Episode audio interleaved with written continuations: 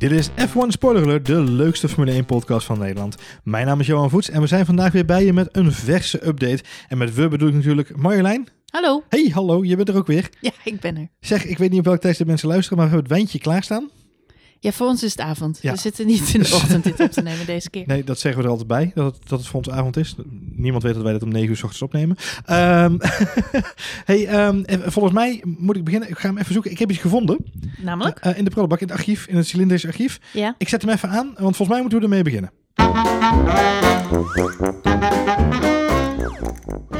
Jawel, dames en heren, het Silly Season muziekje. We dachten bijna dat het al achter ons lag, hè?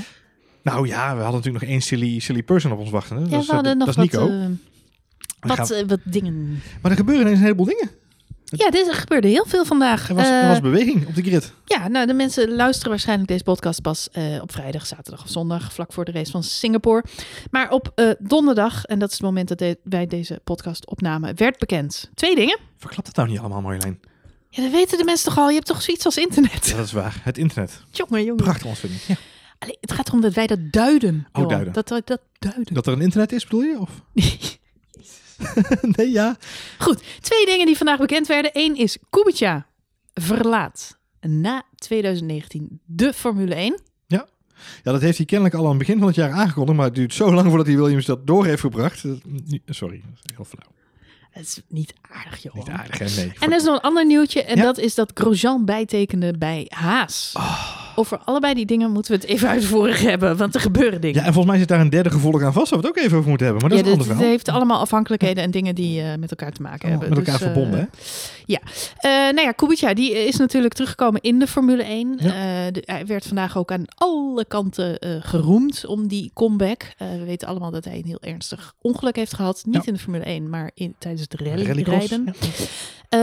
Ehm, en eigenlijk vanaf dat moment is hij bezig geweest om weer eh, terug te keren. Dat heeft acht jaar geduurd, uit negen jaar geduurd. Allemaal erbij. Ja, ja, allemaal erbij. Ja. Voordat hij dus eh, toch weer in de Formule 1 kwam. Eh, ja, Lewis Hamilton zei vandaag dat de comeback van Kubica alles... dat hij dat heel inspirerend heeft gevonden. Mhm. Eh, nou heeft Lewis Hamilton eh, ook wel enig recht van spreken, want hij kent Kubica al heel lang. Je moet toch een beetje zien dat zij eh, generatiegenoten zijn van weleer. Maar ook George Russell, die bedankt natuurlijk zijn teamgenootje. Hij zegt laten we er nog een mooi, mooie laatste paar races voor, van maken tot aan het einde van het seizoen. Ja. En wat ook belangrijk is om te zeggen, is dat nou ja, in elk geval in het persbericht het zo naar voren komt dat het Kubica zijn eigen besluit is om uit de Formule 1 te stappen. Hij zegt het heeft me heel erg veel moeite gekost om terug te komen in de Formule 1. Was allemaal de moeite waard. Hij zegt, maar ik merk wel dat Formule 1 eh, natuurlijk ontzettend veel eisend is. Het was ook niet het beste seizoen aller tijden. Eh, dat zijn allemaal dingen die ik in mijn afweging heb meegenomen en eh, hebben geleid tot de beslissing om er toch mee te stoppen. En Claire Williams heeft laten weten dat ze dat jammer vindt, maar dat ze heel blij is geweest met zijn ervaring. Enerzijds als testcoureur, anderzijds als, als Formule 1-coureur. Dus eh, Ik, dat. v- ik vond het zoveel egaars. Ik vond het zoveel egaars, om het maar mooi van te zeggen. En, en ook dat persbericht erbij. Ik krabbelde wel een beetje op het, op het kale plekje op mijn achterhoofd. Dat ik dacht, dit is toch wel een beetje... Ik vond het iets te veel van het goede misschien. Of is dat, is dat een beetje mijn ja, cynische dat blik? Dan niet. ook? Eh, de- ehm, eh, ja, je moet niet, je moet een beetje eh, ervan uitgaan. De tijd dat Kubica opkwam, hij was echt een megatalent. Echt, iedereen zei dat hij wereldkampioen zou gaan worden. Dat, eh, trek de vergelijking maar hoe mensen nu over Max Verstappen en Charles Leclerc praten. Zo van, Mhm. het is gewoon een zekerheidje dat hij ooit kampioen worden, allebei. Eh, zo werd ook over Kubica gesproken. Er was gewoon, de man ging het helemaal doen. Toen kreeg je dat ongeluk. Dat was voor de start van seizoen 2010. Ehm, ja, en toen, toen kwam hij dus niet meer terug. En toen, dan is het hele lange tijd stil. En dan gaat het seizoen voorbij. Dat je denkt van, goh, zou die nog weer hè, eh, terugkomen? Nou, op een gegeven moment zijn er twee, drie jaar voorbij. En dan denk je, nou, dat was het. Dat, eh, dat gaat hem niet meer worden. Maar in de luwte heeft hij natuurlijk heel erg zijn best gedaan. En je moet een beetje eh, vergelijken ook die situatie met zo'n zo'n Billy Monger. Die eh, Mhm. eh, natuurlijk zijn- benen verloor, maar nog wel steeds auto, ja. ja, raced. En Ja. ook heel goed raced. Er zijn uh, medecoureurs die zeggen dat hij nu beter is dan toen hij zijn benen nog had. Ja. Ehm, eh, ja, het is, het is, ik ben wel met Lewis Hamilton eens. Het is ook inspirerend. Er is weinig zo inspirerend als sporters die iets heel ergs meemaken. Ik moet ook altijd aan Zanardi denken. Mhm. Wat Ja, ik ja, zelf ja. echt topgozer vind. Om wat hij allemaal nog heeft gedaan nadat hij zijn beide benen verloor. eh, niet in de Formule 1, maar in de IndyCar, zeg ik uit Ja, mijn hoofd. wel. Amerikaanse raceklasse, Ja, iets. ja, ja. Eh, niet mijn eh, specialiteit. Maar eh, ja, die heeft daarna nog van alles gedaan. Waaronder een aantal keer meegedaan aan de Paralympics in Ja. diverse sporten. En daar allemaal gewoon medailles mee En gewonnen. Dus ja, inderdaad. Ja, ja, hij is ook gewoon, Ja. die gast is zo hard gaan werken. Ik, ik heb ooit verhaal gelezen dat ehm, hij wakker werd na die crash. Zijn vrouw zat naast zijn bed. Ja. En ehm, eh, ja, die moest hem vertellen wat er gebeurd was. En dat hij zijn benen dus, eh, dus kwijt was. Dus Ja. eh, zijn vrouw die deelde dat mede. En zo ongeveer het eerste wat hij tegen zijn vrouw zei was... Is goed, waar moeten we heen voor de, voor de nieuwe... Voor de, voor de, protheses. protheses. Ja, ja, klopt. En dat had zijn vrouw al uitgezocht. Dus de vrouw kon hem dat direct vertellen. Ze zegt, we gaan naar Bologna, want daar zit de beste fabriek van de wereld. Oh, mooi, gaan we doen. Ja. Nou, ja, dan zou het niet, misschien niet helemaal zo één op één verloren zijn. Maar ik vind Nee, die- zo'n typische anekdote. Hoe, Exact. één, hoe zijn vrouw in elkaar steekt. Zo van, gast, ik heb voor je uitgezocht. We Ja. gaan het fixen. Eh, en twee, hoe hij, eh, hoe hij zelf in het leven staat. Van, oké, oké, dit is ook weer een uitdaging. Moet ik ook weer overheen. Dan ga ik weer iets anders doen. Weet je, het biedt ook natuurlijk weer kansen om in andere dingen uit te blinken. Die voorheen niet op je pad lagen. Nou, en dat geldt eigenlijk voor zo'n Kubica natuurlijk ook. Ik denk dat heel veel mensen al fan van hem waren. Puur omdat het gewoon ja, echt een sympathiek gast was. In Polen zijn ze lyrisch over hem. We waren afgelopen zomer in Oostenrijk. Daar zien we allemaal Poolse busjes Ja, staan. Fantastisch. en het zijn geen- serieus, in, je, in- Ja. je, je, je hebt zeg maar mensen die gek zijn van paarden, die hebben dan zo'n trailer met van die paardenkoppen erop. dit was een, dit was eigenlijk een bus. busjes er ook Dit was uit. een bus inderdaad, met gewoon op alle kanten van de bus, op alle Het ramen van de bus, het hoofd van. Robert Koetje. En toen dacht ik, nou ja, als we bij Mercedes nog een vervanger zoeken voor Ocon, qua paardenhoofd hem tussen bed leggen. Oh, is niet Het was echt, nee, maar het, was, het ziet er zo eng uit. Ja, die man. Ja, het is Waarom niet doe je nou alleen een hoofd maar, van iemand? Ja, nou ja, goed, dat weet ik ook niet. Maar die man die is hartstikke populair daar in Polen. Heeft een ontzettende eh, achterban.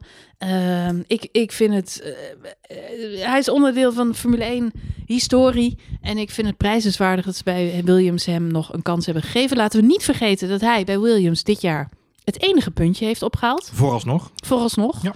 Ehm, echter moeten we wel bijzeggen dat George Russell in zo'n beetje alle kwalificaties en bijna elke andere race eh, voor Kubica weet te finishen. Klopt. Nou ja, goed. Ik vind, Dus het, ik vind het eh, terecht eh, dat er een, een, een hommage wordt gebracht vandaag in de persconferenties en, en ook op online hè, in, in alle media.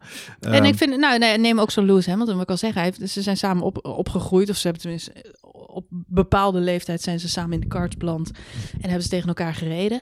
Ehm Kubica was ooit de gedoodverfde nieuwe wereldkampioen. Toen Ja. kreeg hij dat ongeluk. Dus je kunt je ook wel voorstellen, wat was Hamilton zo vaak wereldkampioen geweest als dat hij nu uiteindelijk is geworden? Als Kubica wel was doorgebroken? Ja. Eh, daar kun je nu niks meer over zeggen. Maar ik kan, me, ik kan me wel voorstellen dat het dingen zijn die ook door Hamilton's hoofd spoken. Hm. Ehm, ja, eh, maar in elk geval praat hij er nu met heel veel respect over. En, en logisch, terecht. nogmaals. Eh, en, tere- en terecht inderdaad. Hey, het andere nieuwtje van vandaag. Eh, lange tijd dachten wij met z'n allen, laat hem gaan, die Grosjean. Maar dat hebben ze bij Haas toch niet gedaan. Grosjean blijft bij het team van Haas. Ja, en eh Günther Steiner heeft daar ook een verklaring voor eh, Uiteraard, gegeven. laat dat een Koen erover. Ja, hij zegt, ja, het was een close call. Oh. Close call. Close Close call. Zoals hij, eh, hij heeft eh, met beide coureurs eh, overleg gehad. En er waren ehm, opties. Dus er is ook zeker met Hulkenberg gepraat. Ja. Echter heeft hij uiteindelijk besloten. Hij zegt, Grosjean die werkt al vier jaar voor ons bedrijf. Ja.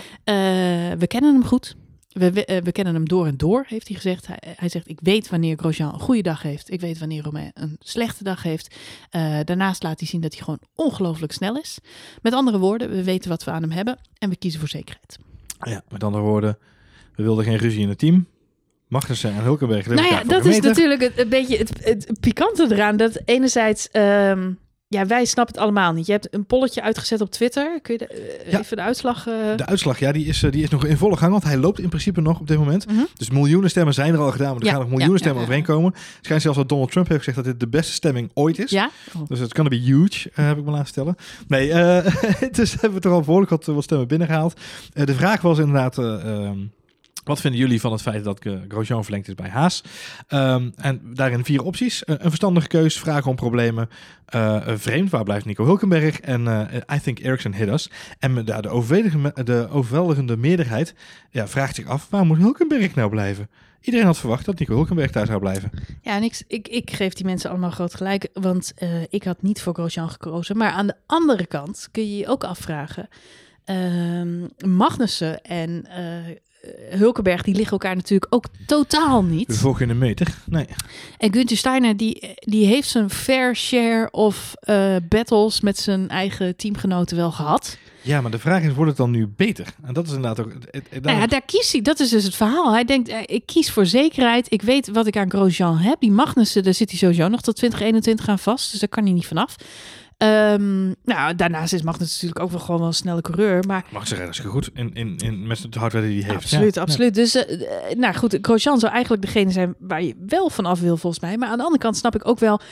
Hij ziet het een beetje volgens mij als... eh, hij zit in zo'n casino achter de, achter de slotmachine. En hij heeft er nu zoveel geld in gegooid... dat hij denkt, als ik nu wegloop... dan gaat iemand anders er met dat miljoen vandoor. Ja, En dat is een beetje volgens mij hoe Steiner redeneert. Hij denkt, ja, ik, ik heb nu alles hierop ingezet. Ze hebben hun crashes gehad, ze hebben hun onvrede gehad. Het is allemaal uitgesproken.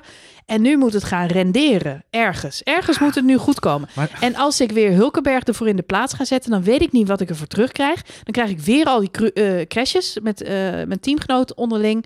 Ehm, Ik ga er niet aan beginnen, ik heb er geen Ik ik in. vind het frappant dat als dat, de, dat zou een beweegreden kunnen zijn.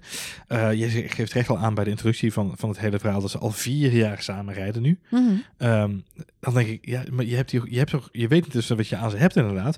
Dit is dan het, nu het vierde jaar dat ze samen rijden. En dit jaar is voorlopig de, de, de grootste onvrede binnen het team met botsingen onderling en, en afspraken en Ja, teamafspraken dat had je vorig worden. jaar ook al wel. De laatste paar races gaan het goed. Maar goed, Ehm, kennelijk eh, eh, eh, doet Grosjean toch iets goed. Misschien is het een zak met geld die hij meebrengt. Ik weet het niet. Dat weet ik niet bij Grosjean. Het kan natuurlijk ook omgekeerd zijn. Het kunnen ook salariseisen zijn van, eh, Van Nico. Nico die, Nou, ja, eh, ik begreep dat Nico sowieso wel een beetje wat moeite had met het vinden van een, eh, van een, een passend team bij zijn eisenpakket. Dus het zou me niet Oh, verbazen. Ja, hij heeft ook nog wel wat noten op zijn zang. zeggen, ik, achteraf bezien denk ik ook niet dat het slim is geweest dat hij heel kritisch is geweest op Renault de afgelopen maanden. Nee. Bijna na elke Grand Prix heeft hij naar de media. Ja, één ding kun je van Nico Hulkenberg zeggen, maar het is ontzettend eerlijke vent. Ja. Dus in de eh, persinterviews na afloop zegt hij altijd gewoon waar het op staat. En vaak is dat eh, de Renault motor is niet goed genoeg, we zijn onbetrouwbaar, de auto is nog niet waar die wezen moet. Ja. En dat is gewoon niet slim geweest, want hij is gewoon. eh, Nou ja, hij heeft een beetje. Ja, goed, dat, is- dat is een beetje zijn, eh, eh, zijn eigen inleiding geweest. Misschien wel, inderdaad. Onderaan de streep denk ik ook eh, voor een coureur als Hulkenberg. Hij, volgens mij heeft hij behoorlijk wat nood op zijn zang nadat hij toch al een aantal jaar in de Formule 1 heeft gereden. En dat er niks tegen, hij kan er nog niks tegenover stellen. Kijk, is het nou een coureur die inderdaad stabiel een bepaalde plek haalt in het kampioenschap? Nou Of- ja, er zijn heel veel mensen. Carlos Sainz heeft vandaag al gereageerd. Hij zegt: het, het zou echt te idioot voor woorden zijn als Nico Hulkenberg volgend jaar niet meer in de Formule 1 rijdt. Want Nee. hij is een van de snelste mannen op de baan. Hm. Vorig jaar was hij best of the rest. Hij is waar. 60 gefinished. Ja. Hij is gewoon Eh, van alle coureurs was hij een van de, van de ja, meest betrouwbare, meest snelle eh, mannen die je maar kunt hebben. Ja. Dus eh, ja, hij doet daar echt wel mee. Alleen ja, de- helaas, ik denk ook bijvoorbeeld dat laatst Hockenheim, het feit dat hij daar op een podiumplek lag, regensituatie, hij had gewoon daar een podium kunnen plakken Helpt- en dan crasht, niet. dan Nee. crasht hij weer van de baan. En natuurlijk, dat gebeurt Leclerc en Hamilton ook. Hè, dus hij is ook maar een mens, kan hij misschien niks zoveel aan doen. Maar ja, het is stom. Stom. Als hij daar een podium had gereden, had hij misschien nu nog gewoon een plekje gehad. Maar als ik even kijk naar de opties, ehm, even eh, het lijstje doornemen van, hè, we hebben het silly season muziekje aan het begin van de aflevering laten horen, dus laten we dan ook maar even een beetje silly gaan denken. Dan blijven er weinig opties over nu op dit moment. Eh, ik zie even uit mijn blote bolletje eh, Williams, waar dan nu Kubica opstapt. Maar goed, daar wordt natuurlijk Latifi genoemd vanuit Formule 2. We hebben Alfa Romeo en we hebben Red Bull. En het zijn eigenlijk drie opties nog open. Maar je zegt zelf wel, Williams eh, wordt eh, nu eigenlijk al een tijdje over gesproken dat Latifi daar zou komen. Die rijdt nu Formule 2. Dat is geen bijzonder groot talent, eigenlijk totaal niet. Ik weet niet waar Ah, misschien staat. komt het eruit, hè? Van Lance Stroll dachten we ook dat het er niet in zat. Ach, hou op zijn uit. nou, ah, sorry. ehm, hij, eh, hij is geen talent, maar hij wel een rijke vader. Net zoals Lance Stroll. Dus het verhaal is gewoon dat hij dan met, met zijn zakje met geld naar Claire Williams toe gaat voor een stoeltje. Eh, ja, Alfa Romeo zeg jij zelf al. Echter, bij Alfa Romeo is toch, of eigenlijk meer vanuit eh, Binotto bij Ferrari, is toch wel redelijk uitgesproken dat zij vooralsnog alle vertrouwen hebben in Giovinazzi. Ja. Ondanks het feit dat Giovinazzi pas drie punten heeft eh, gesprokkeld dit seizoen. Ja. En Kimi Räikkönen, zijn ervaren teamgenoot, al 33. Eh, maar toch, ja, zeggen ze bij Ferrari, we gaan voor Giovinazzi. En om heel eerlijk te zijn, ik snap allebei die posities. Kijk, je moet ook gewoon reëel zijn in wat eh, de belangen van de teams zijn hierin. Wij redeneren heel erg vanuit coureur. Zo van, hè, het zou terecht zijn als zo'n Nico Hulkenberg in de sport blijft. En ik snap Carlos Sainz ook wel. Carlos Sainz zegt, ja, het bewijst maar weer eens dat eh, de beste coureurs niet zeker zijn van een plek in Formule 1 en dat er mindere coureurs wel daarvan verzekerd Ja. zijn. Nou, dan heeft hij het over mensen als Stroll en Latifi, die eigenlijk daar niet thuis horen, maar nou eenmaal heel veel geld meebrengen. Ja. Dat spijt en Perez trouwens ook, want Perez is natuurlijk degene waar hij zelf eh, ook eh, last van had. Ja, nou ja, ik denk wel dat Perez eh, wel iemand is die na- naast die zak met geld ook gewoon wel laat zien dat hij kan racen. Onderaan streep. Dus nee, dat- ja, absoluut. Maar het is wel ook een wel bekend de verhaal dat hij ook, ja. ook natuurlijk geld meebrengt. Heel belangrijk. Hey, bij Alfa is natuurlijk voor, voor de meeste mensen, want jij zegt Binotto, dan, het is de, de regelingen zijn zo, Kimi staat onder contract van Alfa Romeo, Yes. is vertrokken bij Ferrari, dat is nog wel eens verwarrend voor de mensen. Ehm, maar Kimi heeft, is echt van Alfa Romeo. Hij is nu gewoon. Alfa Romeo coureur. Hij is ooit bij Sauber begonnen. Dus dat is gewoon... eh, En Ferrari heeft eh, bij Alfa Romeo een stoeltje ingekocht, zoals dat zo mooi heet. mhm. Eh, ik vermoed, maar dat kunnen collega's die wat vaker in de pitstraat rondlopen misschien beter bevestigen. Maar ik vermoed dat het een ten koste is gegaan van een flinke korting op de motor die ze leveren aan, aan Alfa. Dat stoeltje, dat tweede stoeltje waar Giovinazzi op zit, dat is eigendom, om zo maar even te zeggen, tussen haakjes van Ferrari. Zij hebben dan Ferrari pa- bepaalt in principe wie daar wie daarop zit. Ja. En ze hebben nu gezegd Giovinazzi. Er wordt natuurlijk al lang gezegd, Mick Schumacher zou daar eventueel ook op terecht kunnen gaan komen op den duur. Eh, maar dat ik verwacht niet dat het volgend jaar al is, want die rijdt nu in de Formule 2 ook Nee, eh, precies wat jij zegt. Het is gewoon niet logisch dat zij nu een Hulkenberg daar neer zouden gaan zetten. Ten eerste, wat moet Ferrari met Nico Hulkenberg? Daar, eh, man heeft nog nooit op een podium gestaan. Laat staan een Grand Prix gewonnen. Laat staan dat hij ooit nog wereldkampioen gaat worden. Het is ook niet de meest... Het is geen Bottas. Het is Nee. niet iemand die eh, super betrouwbaar is, die je gewoon kunt laten rondrijden. Ehm, als een soort sidekick van bijvoorbeeld Leclerc of zo, mocht Vettel ermee stoppen. Hij heeft ook niet echt ervaring over te dragen op Kimi Räikkönen. Nee, nou ja, dat. Weet je, wat zie je dan voor je? Dat Kimi Räikkönen en Nico Hulkenberg met z'n tweeën bij Alfa rijden? Waarom? Dat is een beetje de omroep, een Waarom? beetje de omroep Max van Formule 1. Ja. Ja, nee, ja, maar de, je hebt er helemaal geen start zijn, behalve de punten sprokkelen. Maar dat doet Kimi al in zijn eentje. Dus Ja, eh, punten zijn belangrijk, hè? dat weten we. Een bepaald aantal punten levert je eh, weer eh, kostendekking op voor transport. En er zijn allerlei regelingen, je krijgt bonussen. Met andere woorden, die punten zijn voor zo'n team echt wel heel belangrijk. Ze willen echt wel hoog finishen in het kampioenschap. Maar nee, wat jij zegt, ze hebben ook een deal met Ferrari. Dat levert ze ook weer korting op. In ruil daarvoor zit daar een Ferrari-coureur. En het is gewoon Ferrari is een B-team. Het is gewoon de leerschool. Het is gewoon het plekje waar vorig jaar Charles Leclerc is gerijpt, waar nu iemand anders moet rijpen. Nou, Ja. dat zou een Mick Schumacher kunnen zijn. Ik denk dat heel veel mensen dat in Formule 1 land hopen. En zeker bij Ferrari, want Ja. het zou fantastisch zijn. Formule, Tot nu toe- Formule 1 is legendes. hè? Ja, nou ja, dat, dat zeker. En de- in Italië zijn ze helemaal van. Dus ik help het zo hopen. Echter is nog niet duidelijk of Mick Schumacher net zo'n groot talent is of kan gaan worden als zijn vader. Daar is hij echt nog te jong voor. Eh, dus die laten ze nog lekker even zitten. Ja, en wat doe je dan tot die tijd? Ja, dan laat je Giovinazzi er nog rondrijden. rondjes rijden. Ja. Ja, wat moet je dan? Dan heb je in elk geval nog de allure. En voor hetzelfde geld eh, wordt die Giovinazzi beter. En heb je, ze moeten gewoon dingen achter de hand hebben.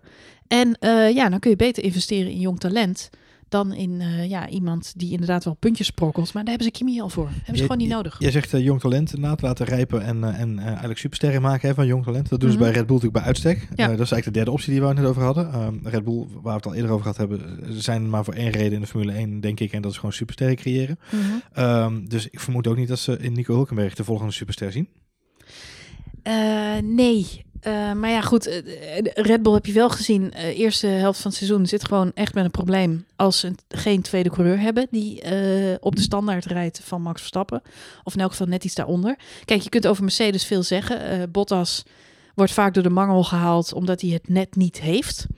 Echter is Bottas een veel betere nummer twee dan Pierre Gasly voor Max Verstappen is geweest dit seizoen. Ja, ja. Eh, met andere woorden, een Bottas wil je wel naast je topcoureur hebben rijden. Eh, Pierre Gasly dus duidelijk niet.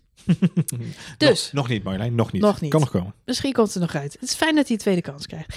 Maar eh, ja, bij Red Bull telt dus heel erg. Wat is de meest betrouwbare optie? En anderzijds, wat heeft nog de meeste groeipotentie? Ik denk dat het heel goed is dat ze Albon eh, nu naast Max hebben gezet. Tot nu toe gaat dat goed. Maar tot nu toe hebben ze hem ook echt heel erg in de luwte gebracht. Want hij heeft natuurlijk grid penalties gehad. Uh, uh, ja, hij kon een beetje vanuit achteraan starten. En, Ja. en daarmee reed hij eigenlijk een beetje in de schaduw om te wennen aan die Red Bull. Dus het is heel voorzichtig. Heel ander verhaal dan destijds met Max Verstappen. Die eh, voor het eerst in de Red Bull kwam te zitten en meteen de Grand Prix van Barcelona won. Ehm, maar de- die werd er gewoon voor de leeuwen gegooid. Dat, die startte ook vooraan. Die deed meteen mee om, om de punten. En die had geen enkele ehm, eh, ja, angst om daar te laten zien. Dat hadden ze natuurlijk bij Toro Rosso al gezien. Want een jaar daarvoor Ja. bij Toro Rosso had hij al eh, zijn credits behaald. Met Albon is dat duidelijk anders. Hij wordt echt veel voorzichtiger gebracht. Ze hebben met Van Gasly geleerd, dus ze gaan er voorzichtig mee om. Komend weekend Singapore wordt zijn eerste vuurproef.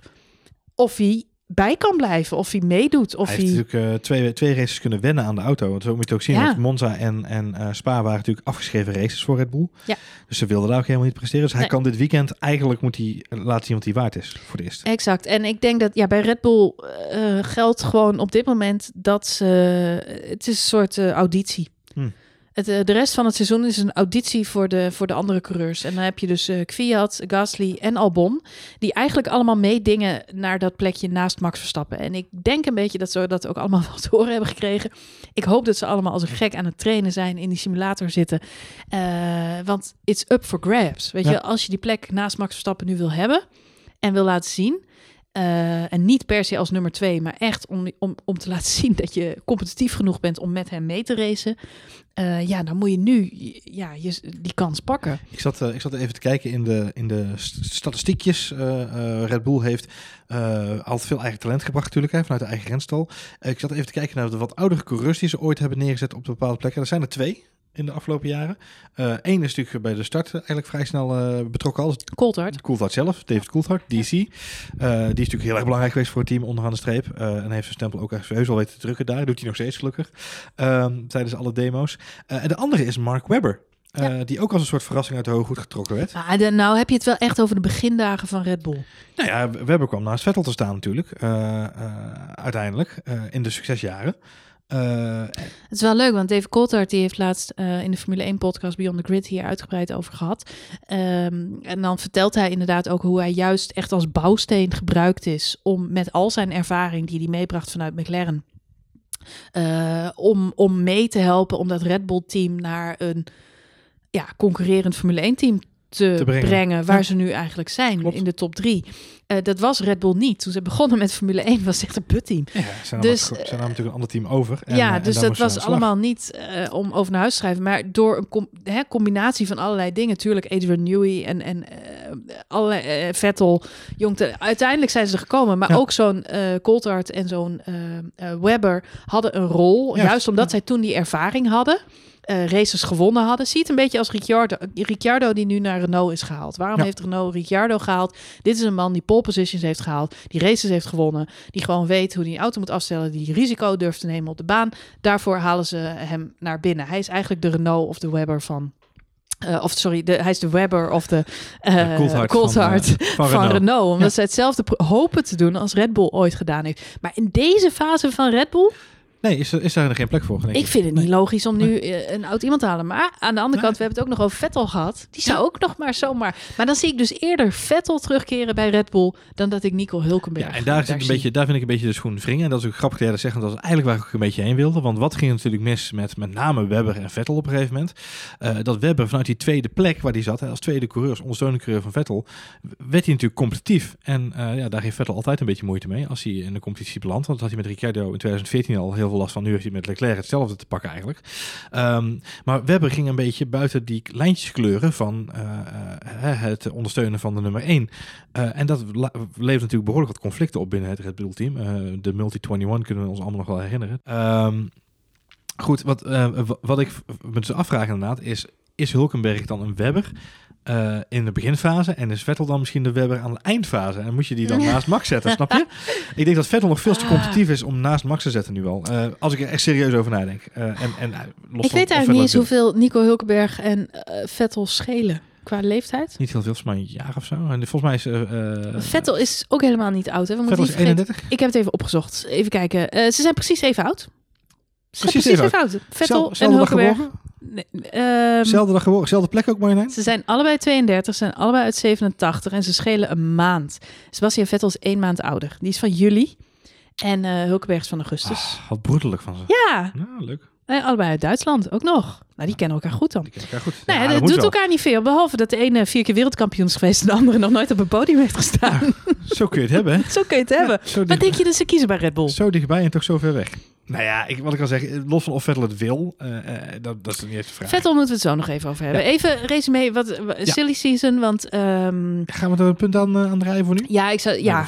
Wat mijn conclusie een beetje was, dat is, we hebben twee mensen, denk ik, vermoed ik, die afzwaaien naar dit seizoen Formule 1. En ik denk dat dat sowieso Kubica zijn. Ja. En de andere is Nico Hulkenberg. Oh, die gaan we Ehm, terug zien in de DTM, zeg jij. Of Formule E. Eh, Formule 1 werd hem naar gevraagd, maar had hij zich nog totaal niet in Nog verdiept. niet in verdiept. Hulkenberg Hmm. heeft wel zelf aangegeven dat hij niet koste wat kost in de Formule 1 wilde blijven. Nou, dat is ik toch wel... Hij dat- zegt die, inderdaad, ja. niks, ja, ja, ja. niks ten nadele van Williams. Nou, laat ik hieruit ook nog maar even Arr, ingooien. ja, precies. Maar eh, nee, hij wilde niet kosten wat kost. Het moest wel een uitdagend pakket zijn waar hij dan eh, kon gaan rijden. Nou, dan weet ik En het of goed hij daar een In de salaris Willi- mee bedoelt? In de Williams, met een stuur van Kubica. Ja. Succes. Wil jij een uitdaging Ik denk dat hij niet zoveel te willen heeft. Maar het, dit klinkt wel alsof hij weinig zin heeft om bij Williams achteraan te gaan rondkachelen. Het is natuurlijk ook echt wel... Dat wil natuurlijk niemand. Onder. Dat wil niemand. Het is ook wel echt... Kijk, Kimi Räikkönen hadden vorig jaar ook mee te doen. Ze van, oh, hij gaat terug naar Sauber. Maar al met al heeft hij een fantastisch seizoen bij Alfa is Romeo. hartstikke naar zin. Tien, Dus tien eh, af. die hoeft Ja. zich nergens voor te schamen. Die, die rijdt er echt voor zijn plezier rond. En voor ons plezier. Ja, Nico Hulkenberg, die naar eh, Williams eh, gaat, dat zou toch wel echt... Dat zou een tikkeltje- groter leedvermaak zijn dan Daniel Ricciardo naar Renault. Ja. En, en eh, ook voor Williams is het niet logisch. Al met al, je ziet, je ziet teams die hier gewoon hele doordachte eh, beslissingen maken. Bij Alfa Romeo hebben ze twee belangen. Eén is punten harken om uit de kosten te komen en eh, opbrengsten te hebben. Eh, en anderzijds jong talent opleiden. En dat doe je ook door een ervaren coureur naast een jonge coureur te zetten. Met andere woorden, Raikkonen en Giovinazzi, perfecte combinatie, niks meer aan doen. Volgend jaar kijken, misschien Mick Schumacher in plaats van Giovinazzi. Weet niet of eh, Kimi Raikkonen dan een jaartje eh, nog blijft. Zou best kunnen. Dan zou je alsnog kunnen zeggen, we gaan Nico Hulkenberg terughalen. Dus dat is misschien nog een optie. Een optie. Eh, nou goed, dan heb je Renault. Die zijn ook met een soort masterplan bezig. Want ik hoorde van de week ook weer dat zij bezig zijn om... eh, zij willen heel graag een jonge Franse coureur in hun team hebben. Oh, die had ze nog niet. Ja, waarop ik dacht, je hebt toch net Ocon getekend? Wat bedoel je daar? Ja. Ja, die is al oud. Ik weet, Ja. ik- ja, ik weet ook niet hoe je dat moet interpreteren. Maar is dan de bedoeling dat Ricciardo daar weer eh, de laan uit wordt gestuurd en dat er twee Fransen zitten? Enerzijds snap ik dat wel, want we hebben het vorige podcast uitgebreid gehad. Eh, Ricciardo is na de eh, na Vettel en Hamilton op dit moment de dikst betaalde Formule 1 coureur. Hij krijgt Ja. 27 miljoen eh, euro, dollar, whatever, Ja. per jaar. Ja. Het eh, contract was 55 miljoen of Voor zo. twee jaar. Ja. Dus met andere woorden, hij krijgt ontzettend veel geld. Heeft hij heel goed uitonderhandeld. Of En liever gezegd, die zaakwaarnemer en Renault Clio. Ehm, maar ja, dat is natuurlijk super duur. Dus bij Renault, bij Renault hebben ze ook zoiets van, ja, misschien moeten we dat anders doen. Eh, ik heb heel erg het gevoel dat ze bij Renault echt bezig zijn met een soort Frans masterplan. Eh, Macron die heeft zich er ooit mee benoemd, eh, bemoeid. Eh, eh, Prost die is nu weer gepromoveerd, die is met allerlei dingetjes bezig. Eh, vorige week met die test waren ze in Paul Ricard natuurlijk weer beschikbaar als auto om de die nieuwe bandjes Ja. te testen. Ze wurmen zich overal een beetje Het is, tussen. het is ook logisch, Jan. Ze zitten natuurlijk met Renault als, als merk natuurlijk in een enorm conflict met Ja. de Nissan, met de Nissan groep, zeg maar. Dat is natuurlijk Ja. enorm met die topman en gedoe. Dus ja, die Fransen willen natuurlijk gewoon nu even met een, een Ik ben heel benieuwd. Ik heb zelf het gevoel dat, dat Ricciardo na volgend seizoen eruit wordt gewipt. Dan komt er inderdaad misschien een Fransoos of iemand voor terug. Ehm, Moeilijk hoor. Ja. volgend, ik heb al gezegd, volgend seizoen Ricciardo en Ocon, dat wordt echt smullen. Want die twee die gaan elkaar van de baan vragen. Dat weet ik wel zeker. Eh, ja, en dan komt er misschien nog een andere Fransoos. En dan heb ik zo het gevoel dat het hele zaakje zo gaat implo- imploderen of zo. Ik denk, ik denk ehm, eh, als ik mijn, eh, mijn roze bril mag opzetten, nog een slokje wijn mag nemen en mijn glazen bol erbij mag pakken, dan zou het mij wijn. niet verbazen als uiteindelijk Hm? Pierre Gasly eindigt bij Renault. Zou ook nog zomaar kunnen. Eh, dat op een of andere manier, ja, we hadden het hier eh, al eerder deze week even over inderdaad, dat ze bij Renault zo'n Frans masterplan aan het maken zijn. En toen realiseerde ik me, denk, ja, maar welke Franse coureur dan, met ervaring en naast Ocon en, en dat het een beetje werkt. En, en ik moest eigenlijk gelijk aan, eh, aan Gasly denken. En toen dacht ik, ja, maar ja, goed, als, stel nou dat, dat eh, laten we even echt heel erg ons aluhoedje opzetten. En, eh, en even al onze theorieën die we de afgelopen twee weken, drie weken bedacht hebben rondom eh, eh, de mogelijke wisselingen van de wacht. Vettel stapt inderdaad op bij Ferrari. Ricciardo heeft een clausule in zijn contract, kan naar Ferrari toe. Albon krijgt de plek van Max bij, of naast Max, sorry, naast Max, De plek excuus. van Max. Op, Red- bij Red. Bull. Ehm, of Vettel gaat terug, ook een leuke. Vettel gaat terug naar Red Bull. Albon gaat terug naar Toro Rosso. Gasly zijn plek heeft bij Toro Rosso. Waar kan je dan heen? Naar Renault. Nou, dames en heren, tot ziens. Je hebt het opgelost. Mic drop. Tot zover mag ik geen wijn meer. Nee, eh, Het is ik- Franse wijn, want eh, het lijkt wel dat je Ah. enigszins eh, beïnvloed nou, bent. ik zeg geen nee tegen Chardonnay. Eh goed. ja, nee, het zou, het, ik weet niet wat, maar, maar ik vind het wel fascinerend bij Renault. Het is natuurlijk een beetje eh, vanaf de zijlijn eh, roepen met z'n allen. Maar ze- ik heb wel het gevoel dat ze daar met een plannetje bezig zijn. Ik ben heel benieuwd wat volgend jaar... eh, Extreem, extreem, extreem. ja, wat Ocon daar gaat doen. Maar Ja. goed, zij, zij maken dus ook echt wel bewuste keuzes. Ricciardo kost gewoon te veel geld. Dus daar zullen ze echt wel iets aan gaan doen. Dus ik denk dat Ricciardo over een jaar zomaar hetzelfde lot wacht... als dat we nu met Nico Hulkenberg zien. Ja. En dan zal hij toch misschien wel... eh, ja, zich realiseren dat hij... eh, hè, dan zal hij nu misschien leedvermaak hebben. Zo van, hey Nico, tabete botje, eh, jammer voor je joh. Mhm. Maar eh, ik zie Ricciardo de vragen om volgend jaar gewoon in hetzelfde schuitje te zitten. Nou ja, vergis niet dat 2020 gaan er wel een helebool contracten natuurlijk eh, verlopen, vervallen. Ja. Dus eigenlijk volgens mij het merendeel van de grid zo'n beetje is nu vastgelegd tot 2020, 2021 een, een aantal. En dan in het uitzondering is Perez geloof ik tot 2023 nu vast ligt bij, bij Racing Point. Ehm, dus weet je, er gaat wel een hele hoop stoeltjes vrijkomen in 2020. En dan zou het mij heel gek lijken als Daniel Ricciardo niet ergens anders een stoeltje weet te scoren. Hij Ehm, heeft natuurlijk nog wel de optie van Ferrari. Hè? We hebben het vorige keer over gehad. Moet je even een andere podcast Ja, terugluisteren. precies. Eh, goed, nou ja, en dan heb je eh, ja, Haas. Die kiezen, ja, dat is gewoon Koen Steiner achter die slotmachine. Die heeft zoveel geld in gestopt. Die denkt, nu ga ik geen risico meer nemen. Die kiezen voor stabiliteit en zekerheid. Eh, ja, en Williams hebben we het al over gehad. Ja, daar hebben ze gewoon een bedrijf te runnen, onderaan de streep. Ja, dat is echt gewoon eh, overleven. Het is, eh, het is voor Williams te hopen dat ze uiteindelijk, en dat is wel iets waar we het al vaker over gehad hebben, het is uiteindelijk te hopen dat de renstal Williams, het, het merk Williams, de, de legende Williams weer kan opstaan en kan gaan meedoen om, eh om podiumplek. Even nog eh Swajan nieuwtje. Staat niet in het draaiboek. Maar deze week is wel bekend geworden dat eh, Williams een contract met Mercedes verlengd heeft. Ja. Met andere woorden, Williams rijdt ook volgend jaar gewoon weer met een fijne Mercedes motor. Sterker nog, ze hebben verlengd tot 2025. Yes. Dus eh, tot eh, 2025. Nou, dat weet en dat niet. is slecht nieuws voor eventueel andere teams die hadden gehoopt misschien aanspraak te kunnen maken op een Mercedes motor zijnde Nou, dat zijn haast dan geweest, denk ik. McLaren. Oh, McLaren natuurlijk inderdaad, ja. Want ja. was het niet mooi geweest, Johan, als Ja. McLaren weer met een Mercedes motor rond was gereden. En nu zijn ze natuurlijk veroordeeld tot die, die stomme eh, ja, Renault motor. Nou ja, of eh, een andere leverancier, misschien DZT. Hè? Je weet nooit wat er nog Nou ja, dat weet ik niet, want zoveel andere opties zijn er niet. Er zijn geen andere Bij Honda kunnen ze niet meer aankomen zetten, dus die, die is echt wel dicht. En er zijn geen Eh, nieuwe merken ingeschreven nog vooralsnog. Dus, Nee, eh, dus dat wordt dan toch, ja, dan Zonde, zitten ze daar echt een beetje aan vast. Terwijl, ja, McLaren is natuurlijk wel echt heel erg aan het klimmen. Ja. De grap is natuurlijk, ja, veel mensen zullen denken van, ja, Jezus, Williams rijdt met een Mercedes motor. Waarom zijn zij niet sneller? Ja. Eh, maar het heeft voor een om groot deel op een te maken. zeepkist rijden. Ja. Ja, het heeft voor een groot deel te maken met inderdaad het feit dat ze redelijk eigenwijs zijn. En onder andere hun eigen versnellingsbak eh, maken bij Williams. En daar gaan ze echt prat op. Ze moeten dat ding per se zelf maken. En ook in het persbericht eh, waarin werd aangekondigd dat ze verlengen met Mercedes, werd alweer gezegd: nee, de versnellingsbak die blijven we vooral zelf maken. Waarop de hele Formule 1 wereld iets heeft. Doe dat nou niet! Maar goed, koppigheid Nou ja, goed. zit. Hey, we gaan nog heel even naar eh, eh, het, eh, het eh, mooie Italiaanse land. We Ferrari. moeten het nog heel even hebben over de Scuderia Ferrari. Ja, vetteltje, vetteltje. We zijn twee weken verder. Het is natuurlijk, er is heel veel over gezegd. Ik, ja, ik wel zeggen, het was lekker rustig geweest rondom Vettel. Maar nee, niet echt. Nee, het is echt... Nou ja, ja, goed. Ik moet wel zeggen, vorige race hebben we natuurlijk ook heel uitgesproken gereageerd. Dit was een geregisseerde overwinning, bijna voor zover je ze kunt regisseren, door team Charles Leclerc. En daardoor hebben veel media na afloop verklaard, nou ja, dit is echt wel het einde van Vettel. Ja. Vettel laat zich de kop niet gek maken. Hij geeft deze week natuurlijk weer interviews in de aanloop eh, naar Singapore toe. En hij heeft zelf gezegd, eh, uiteraard, het zijn allemaal mijn eigen fouten. Maar het is geen kwestie dat er psychisch iets niet goed zit bij mij. Of dat ik mentaal in een dipje zit. Mensen moeten het allemaal niet te moeilijk maken.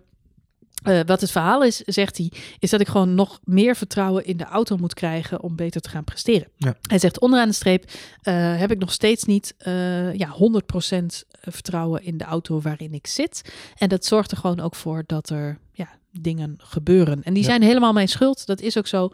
Hij zegt maar, ik en mijn auto, we voelen elkaar nog niet zo goed aan. En dat terwijl hij toch alles auto's mooie naampjes geeft en, en vrouwelijke vriendinnennamen geeft. Ja, nou ja, soms heb je dat. Lewis Hamilton, die is wel altijd heel erg blij met zijn eh, dame. Ehm, Nou, niet altijd ook, hè? Want, Nee, hij is dit seizoen ook wel eens. klagen. Hij is daar ook eh, wel inderdaad wel eens kritisch op geweest. Maar ja, bij, bij, Ve- ik snap Vettel ook wel dat hij, ja, als je dat vertrouwen niet hebt, dat je dan eh, niet voluit gaat. Singapore ligt hem wel. Wat denk je?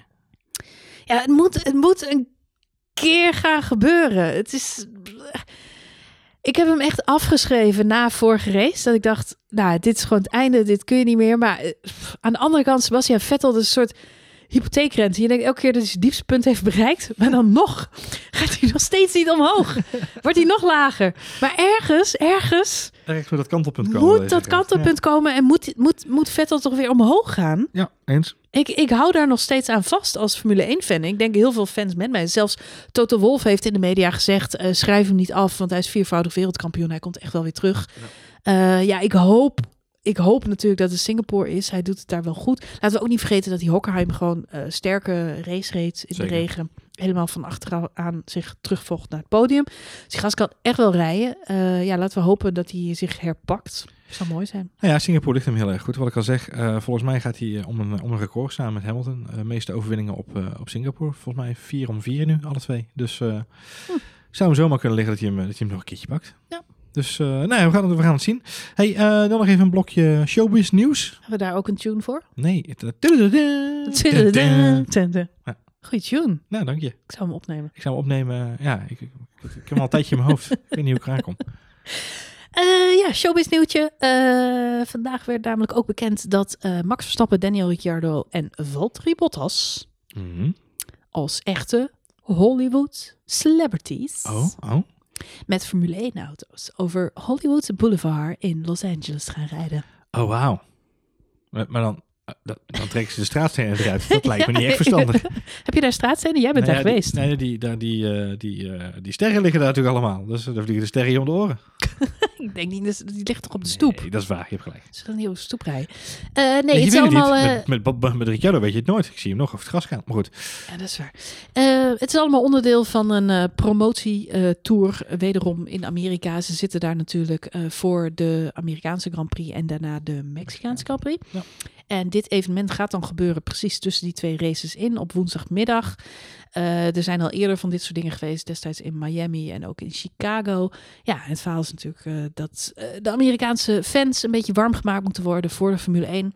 En dat doen ze dan door drie coureurs daar rond te laten rijden. Ik vind het zelf wel heel erg leuk dat ze Max Verstappen daarvoor gevraagd hebben. Ja, zeker. Ja. En dan ook met Ricciardo en Bottas. Ik zijn niet de minste die daar dan Nee. staan. Nee, ook niet, nee, ook niet de beste. Maar ook niet En welke. Formule 1 auto's rijden ze? Rijden ze dan gewoon in hun eigen auto's? Nee, nee, die uit 1952, denk ik. Le- Jezus.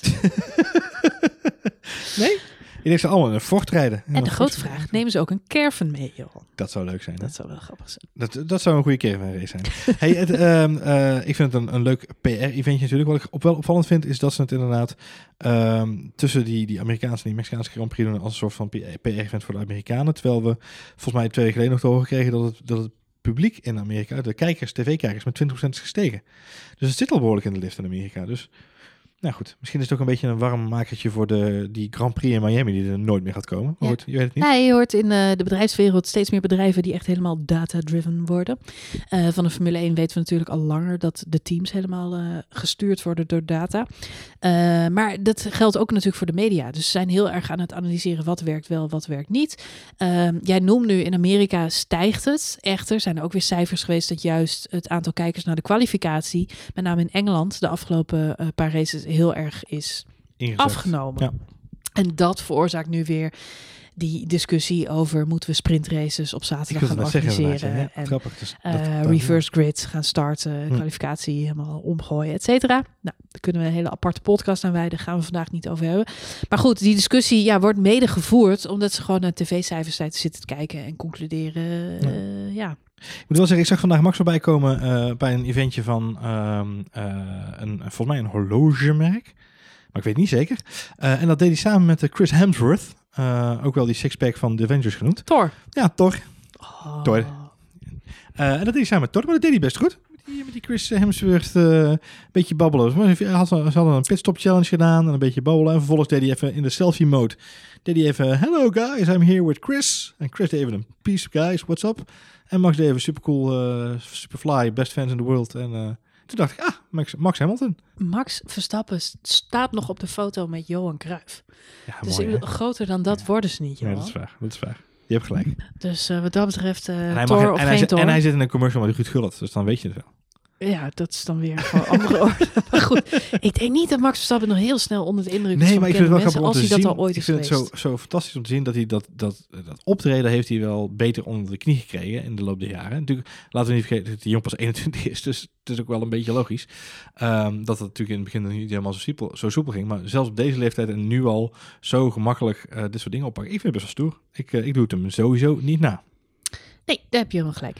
Hey, ehm, Ik heb nog één afsluitend dingetje Oh, voor het blokje gelukkig. showbiz. wacht even. Het draaiboek. Oh, Oh, er die staat hier het draaiboek. pingel. Oh. Ja, want eh, Nico Hulkenberg was ik nog een klein dingetje vergeten. Nico Hulkenberg. Ja, eh, moeten we niet vergeten. Ja, Oh. heel belangrijk voor de fans van Nico Hulkenberg. Nico ik ga kijken. Kan, kan ik dit ga weekend, kijken. Hij kan dit weekend weer op een podium komen. Hij kan dit weekend weer op een podium komen. Je hebt namelijk eh, op RTL Duitsland, voor de mensen die het niet kennen, Dat is der echt, ja. ja. der RTL, eh, heb je eh, Duitsland sucht ein Ninja Warrior. Ninja Warrior. Ja, zo heet het niet. Het heet Ninja Warrior Germany, of zo, zoiets. ja. Maar dit is zo. in Nederland hebben we dit geloof ik ook gehad. Maar in Duitsland is het op de een of andere manier veel leuker om naar te kijken. En daar gaat Nico Hulkenberg aan meedoen. Hij was groot fan van Liever programma. gezegd, hij heeft er al aan Ik meegedaan. wou zeggen. Ja, Hij, niet op hij gaat het neergevlogen niet eh, vanuit Singapore doen aanstaande vrijdag. Maar het leuke nieuws is, het wordt vrijdag uitgezonden. Voor de mensen die het niet kennen, Ninja Warrior is zo'n parcours met allemaal van die eh, hele moeilijke obstakels. Waar je super fit voor moet zijn om Ja. daar overheen te komen. Ja. Hij heeft het zelf gepost op zijn Instagram. Ja, Dus ik ga er is, wel ja. een beetje vanuit dat hij niet compleet op zijn bek gaat. Maar aan de andere kant heeft hij volgens mij ook wel weer genoeg zelfspot zelfspot, ja. om eh, dat dan toch te posten. Volgens Dus mij- en dames en heren, om mee te kunnen doen aan Ninja Warrior moet je wel minimaal 10 jaar Instagram fitboy of fitgirl ervaring hebben. Want anders dan eh, heeft ja, dat, dat heeft Nico wel. Dus fit. aanstaande Ja. vrijdag, ik weet niet precies hoe laat, maar het is op Kwart over acht, Marjolein. Ik heb het even opgezocht. Nou, wat goed. Ja, ik zit gelijk even in de Ziggo-app op te zoeken om opslaan. Top. Die moet ik Kwart, niet is dat dan Duitse tijd of Nederlandse tijd? Ja, dat is altijd de vraag. En is het dan Oost-Duits of West-Duitse tijd? Lastig, inschatten.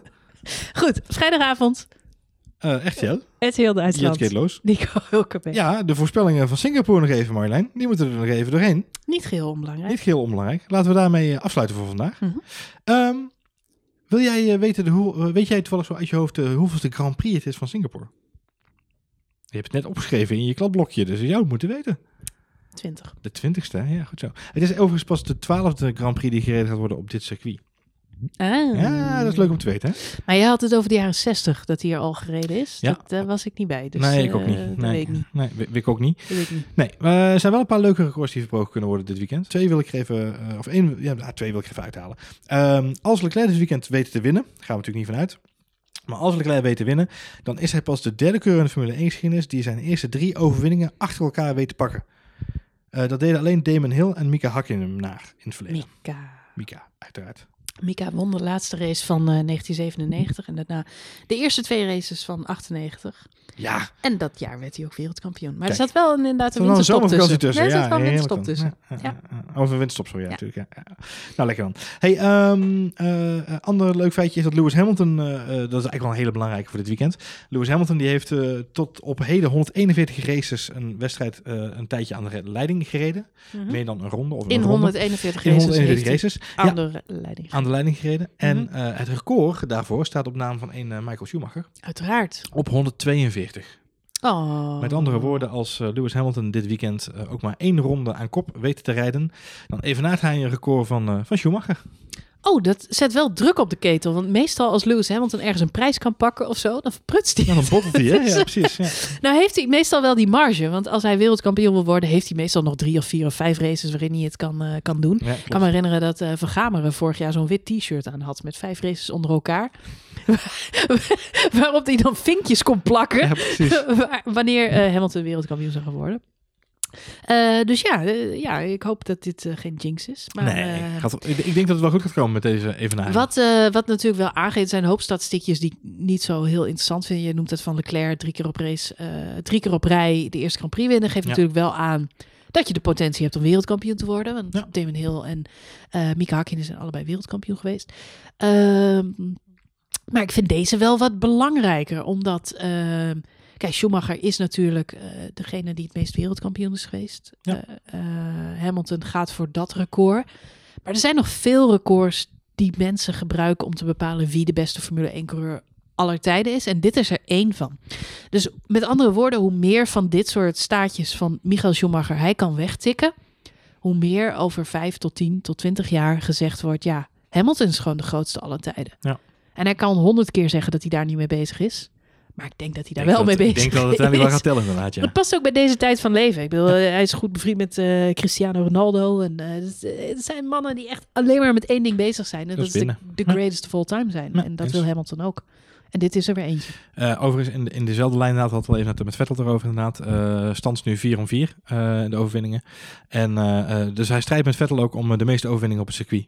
Goed, laatste, laatste eh, interessant feitje voordat ik jouw voorspelling wil horen Marjolein. Eh, dit weekend hebben we een aantal debutanten op het eh, asfalt in Singapore. Lando Norris, Alexander Albon en George Russell zijn allemaal voor het eerst te vinden op de straten van Singapore. Oeh. Dus dat is de eerste keer. Antonio Giovinazzi heeft al wel enige ervaring. Die reed in 2017, even uit mijn hoofd gezegd, een trainingje voor Haas op het circuit. Maar het wordt wel zijn allereerste race op het circuit van, van Singapore. Nou, dat komt vast goed. Dus ja, toch? Ben heel benieuwd. Ja, de reden eh, wat het zo spannend maakt is dat Singapore natuurlijk een eh, stratencircuit is. Ja. Eh, ze hebben wel wat uitloopstrookjes. Ja, het is in het donker, maar het, Ook spannend. het wordt ontzettend goed verlicht. Dus Ja. ja, het is mooi voor de beelden op televisie. Maar het Nou, is ik weet, zo niet of jij, ik weet niet of jij vorig jaar die onboard hebt gezien van, van Leclerc. Dat hij, ik weet niet hoeveel ronden achter Gasly aan moest jakkeren daar. Maar dat is op een gegeven je wel een soort van tunnelvisie hoor. Met die lamp aan Ja, nee, maar dat Ja. is het inderdaad. Je krijgt echt tunnelvisie, want je hebt gewoon echt stukken waar je alleen maar die, die vangrail ziet staan. Eh, ja, daar moet je wel eh, uithouden, zeg maar. Het is een soort VR-game is het, ja. Ja, het is, het is echt wel eh, je- weinig ruimte voor foutjes. Nou, mooi. Ik ga even de voorspellingen erbij pakken, Marjolein. Eh even, wat kan ik voor je noteren? Behalve nog een glaasje wijn zo. Wat kan ik voor je noteren? Eh, eens even kijken, wat gaan we doen? Ik denk eh, drie safety cars. Drie safety cars. Drie safety cars. Ik denk ehm, eh, Lando Norris in de top 5. Dat is nog ruim, hè? Safe bet, safe bet. safe bet. Ja, ja, Ja, weet niet meer. gaat maakt niet. Ja. Ehm, Max op het podium. Dat is ook een safe bet. Nou, dat is geen safe bet. En ehm Valtteri Bottas wint de race. Het zijn vier voorspellingen, Marjolein. Je gaat gewoon Ja. vier voorspellingen. Ja, joh. Ah, Oké. Eh, ik zal even denk eens kijken. wat. En Bottas wint de race. Hmm. Ja. Hmm. Ja, Hmm. jij? En ik denk tien... sa- Nee. 10 safety cars. nee, ik denk, eh, ik denk dat... eh, ehm, ik denk dat de, zowel eh, de vrije trainingen als in de kwalificatie we een rode vlag gaan zien. Oeh. Ja, ja, we gaan een rode vlag Dus dat betekent op tijd kwalificeren, zeg jij? Ja, we gaan weer een eh, rode vlaggen eh, syndroompje mee krijgen inderdaad, dit weekend. Mm. Eh, even denken, ik vermoed inderdaad, nou, ik zeg Lendo op het podium. Lendo Norris. Zo. Ja, ja, ja. Ik ga, ik zie, er gaat een hoop gebeuren in de race. Eh, ja, Max gaat winnen. Dat is een hele simpele. Max gaat winnen. Ja, Oh, Max jongens. gaat winnen. En nou, even kijken. Vettel tweede. Nou, dat zou het zijn. Maar En- waar blijven die Mercedes dan? Eh, die is blijven in de garage, denk ik. ja, Die je kijken, willen. kijken wel even. Die, eh, misschien dat ze het weekendje overslaan. willen. Misschien slaan ze een weekendje over. Ik heb nog overwogen ik Grosjean nog, een, eh, nog een, een, een leuke voorspelling zou meegeven dit weekend. Maar ik laat het toch maar even gaan voor nu. Ik weet het niet. Het, ja, goed. Het zou cool zijn als Bottas wint. Maar om heel eerlijk te zijn, denk ik dat Hamilton de beste kansen heeft op dit circuit. Hij wint hier vaak. Hij is hier gewoon goed. Eh, maar goed, het zou zomaar zo kunnen dat Hamilton een probleempje krijgt. Je weet het maar nooit. En de pitstraat niet meer uitkomt. Nou, dan gaat Bottas er gewoon... Of eh, eh, we zien een winning, Mercedes Tosty eh, dit jaar. In plaats van een... Het is wel, het is wel zo... Ja, Mercedes Tosty. dat, dat zou het weer eens wat anders zijn. Van Leclerc tussen twee Mercedes in. Dat zou toch fantastisch zijn? Ja, Leclerc is... dat zou wel fantastisch zijn, ja. Want dan weet ik wel wie er met de overwinning aan de haal gaat. ja Sebastian Vettel. Nee, verder. Ehm, nee, ja, wat, we, wat ik nog wou zeggen is dat het waarschijnlijk wel... eh, dat we deze week weer even kunnen genieten, hoop ik. van Max Verstappen. Omdat voor Sochi natuurlijk al een beetje voorspeld wordt dat hij daar eh, motorwissel iets gaat doen.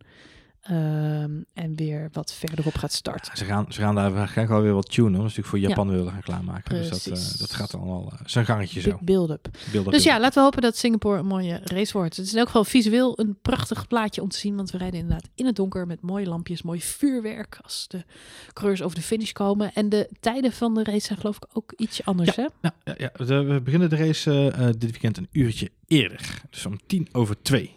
Eigenlijk gewoon de ouderwetse Formule 1 tijd. Exact. Zet je wekker op de ouderwetse Formule 1 tijd volgens Marjolein. Dan komt het helemaal goed. Nou, niet helemaal ouderwets, want dan Zeg tegen, je, twee zeg tegen je beginnen, stemassistent eh na keuze. hey, assistent, zet de stem. te- Nou goed. Ehm, volgens mij is het tijd om een eh, einde aan te breien. Er ligt een lang weekend voor ons met vrije trainingen, kwalificaties en een race. En daarna nog alle persconferenties erachteraan. Eh, en als dan alles weer een beetje is nedergedaald aan stof en vuurwerk. Dan is het tijd voor ons om een review te maken, Marjolein. Dus dan eh, zien wij Ik heb er weer iedereen weer. zin in, in zondagavond. Het eh, gaat weer een eh, gezellige review worden. Tot dan. Ja. Voor nu heel veel kijkplezier dit weekend bij de Grand Prix van Singapore. En jullie horen ons natuurlijk heel snel daarna weer.